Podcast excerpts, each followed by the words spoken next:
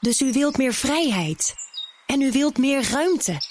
Dan is het nu tijd om dat waar te maken. Gelderse Woningbouw geeft ruimte.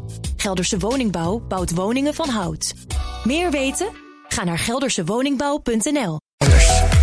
Vijf over half vijf. Het kabinet paste deze week het coronasteunpakket voor bedrijven aan... omdat instituten als het Centraal Planbureau en de Nederlandse Bank... voorspellen dat onze economie voorspoedig zal herstellen. Nout Wellink is voormalig president van de Nederlandse Bank... nu niet uitvoerend lid van de Raad van Bestuur van de grootste Chinese staatsbank... en hij is onze gast. Een hele goede middag. Goedemiddag. Ja, ehm, even bespreken of we dan in rustiger vaarwater zijn. Ik wilde beginnen namelijk met een citaat van uzelf. Al sinds het begin van de crisis waarschuwt u... er komt een grote klap. In juni 2020 zei u het volgende in BNR De Wereld. Ik denk dat de Nederlandse overheid tot op de dag van vandaag onderschat eh, wat de problematiek is die op ons af aan het komen is. Eh, En, eh, en, en je kunt allerlei rekensommetjes maken, maar het is ontzettend duidelijk dat de fallout, de gevolgen van deze crisis, die zullen heel groot zijn. Dat ging toen onder andere over het European Recovery Fund. Eh, waar we als Nederland samen met eh, andere drie eh, landen, nou ja, laten we zeggen, wat terughoudender in waren. Eh, was u toen de tijd iets te pessimistisch? Nou, ik denk het niet. Alleen als het over gevolgen gaat, dan om mijn voorganger Zijlstra te citeren, je kent dag nog uur. En eh, de gevolgen treden vaak op een stuk langere termijn op als iedereen weer in slaap is gevallen.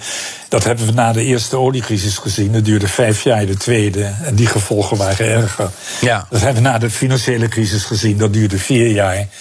Eh, en mijn verwachting is nog steeds dat we toch vrij ernstig onderschatten de langere termijn gevolgen van wat er nu aan de hand is. Waar denkt u dan dat dat grootste pijnpunt nu ligt? Hè? Want sommige mensen die zitten er al veel positiever in de wedstrijd. Want die zeggen, zie je, het aantal faillissementen valt mee.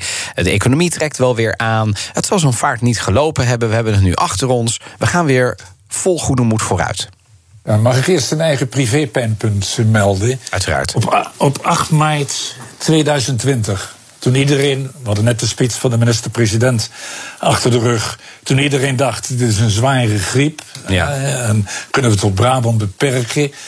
Eh, op 8 maart schreef ik een mailtje naar een neef van mij dat het aantal doden in de VS naar simpele berekeningen makkelijk tot 3 tot 600.000 zou kunnen oplopen. Vertaald naar Nederland, dan moet je zeg maar, als je dat heel ruw allemaal benadert door 20 delen, vertaald naar Nederland tot 15 à 30.000. Ja. Hij zit op 17.500 doden volgens het RIVM en op 27.500 doden eh, eh, eh, volgens het CBS. Niemand praat daarover. De wereld eh, kent nu 4 miljoen doden aan het coronavirus. Dit is niet beter dan verwacht. Hoe bedoelt u, veel- niemand praat daarover? nou, niemand praat daarover. Het kost zelfs moeite. eh, het kostte zelfs moeite hè, tijdens het, eh, de afgelopen maanden om het aantal doden op teletext terug te vinden. Dan moest je dieper gaan zoeken in de RVM. RIVM eh, eh, de, de gegevens. Ja, het CBS die meldt ze wel, geloof ik, altijd.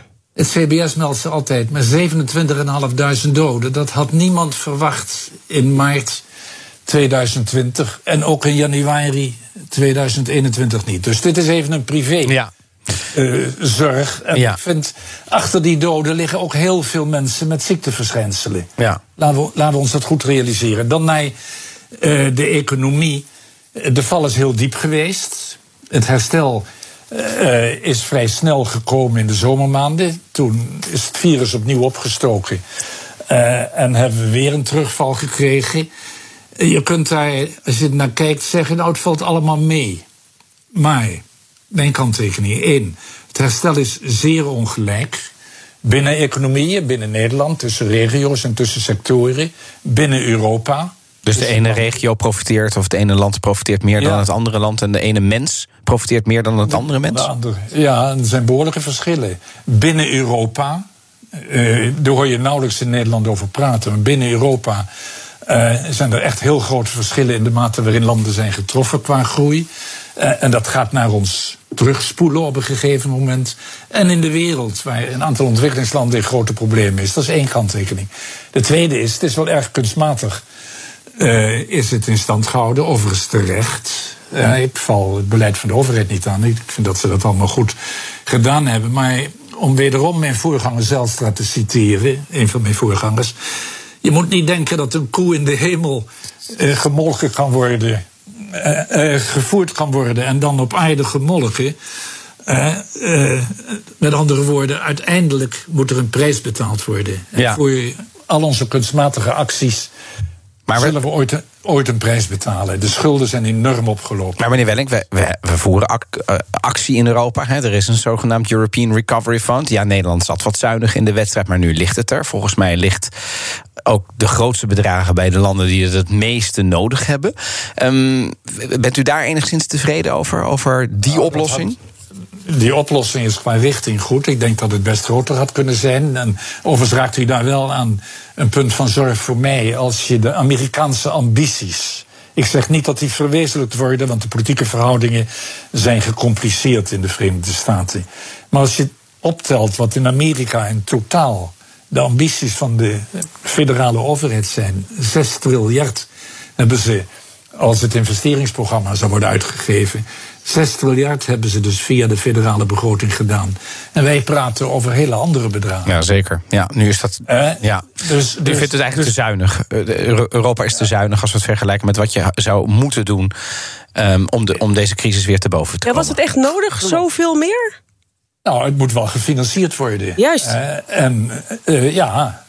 Maar dat is een van de problemen. Hè? Dat is die koe die in de, in de hemel wordt gevoerd. En, op, en op aarde gemolken.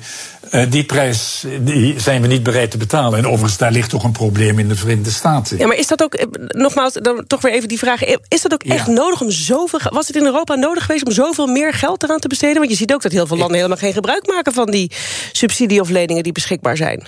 Ja, dat is niet omdat uh, ze niet dingen moeten doen, maar omdat ze het over dingen niet eens kunnen worden. Dus het ligt aan de politiek vaak? Ja, daar ligt vaak een, een, een, constraint. Uh, en daar zie je overigens een goed verschil tussen Europa en Amerika. Amerika gaat overnight industriepolitiek voeren. Trekt op centraal niveau 250 miljard dollar uit voor bevordering van allerlei technologische hoogstandjes de, in de industrieën. Nou ja, dat zou je in Europa maar bij elkaar moeten proberen te scharrelen. Dat lukt niet, want wat wij aan het doen zijn via die 750 miljard, dat zijn allerlei dingen stimuleren die eigenlijk toch al zouden moeten gebeuren, maar niet van de grond komen in de ja. Maar hoe anders had de economie er vandaag voor gestaan als we wel zoveel meer geld hadden uitgegeven in Europa? Afhankelijk van. Het was, kijk, Europa loopt achter bij zowel China als de Verenigde mhm. Staten in, het, in het herstel. Dus het korte termijn herstel was sneller geweest. Uh, hoeveel beter uiteindelijk op termijn valt moeilijk uit te maken. Want dat hangt mede af van zeg maar, de maatregelen die vervolgens zouden uh, moeten worden genomen. Uh, want uiteindelijk. Er bestaat niet zoiets als een, een, vrije lunch. Uiteindelijk moet er een prijs betaald worden. uiteindelijk moeten overheidstekorten weer teruggebracht worden naar aanvaardbare niveaus. Datzelfde geldt voor schuldquotes. Datzelfde geldt voor het beleid van de centrale bank, wat genormaliseerd moet worden. Dus het uiteindelijk succes van al de landen die ik, of blokken landen die ik noemde. Ja, dat is toch afhankelijk uh, niet alleen van vandaag, maar ook van wat morgen gebeurt. Wat vindt u van de rol van de centrale banken? Hebben ze hun rol goed ingevuld in het beteugelen van de crisis?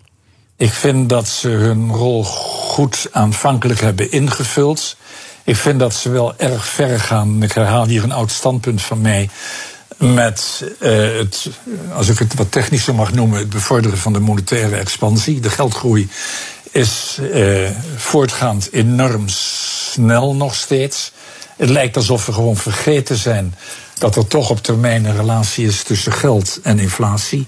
En, en een van mijn grote, misschien wel mijn grootste zorgen is dat we te makkelijk, zoals in de jaren 70 uh, de uh, centrale bank in de Verenigde Staten deed, dat we te makkelijk op dit moment zeggen: ach, die inflatie, dat zijn tijdelijke factoren. Dat gaat wel voorbij. En dat we niet in de gaten hebben dat er heel diep liggende fundamentele veranderingen ja. in de wereld gaande zijn. Uh, en dat de, zeg maar, de laag.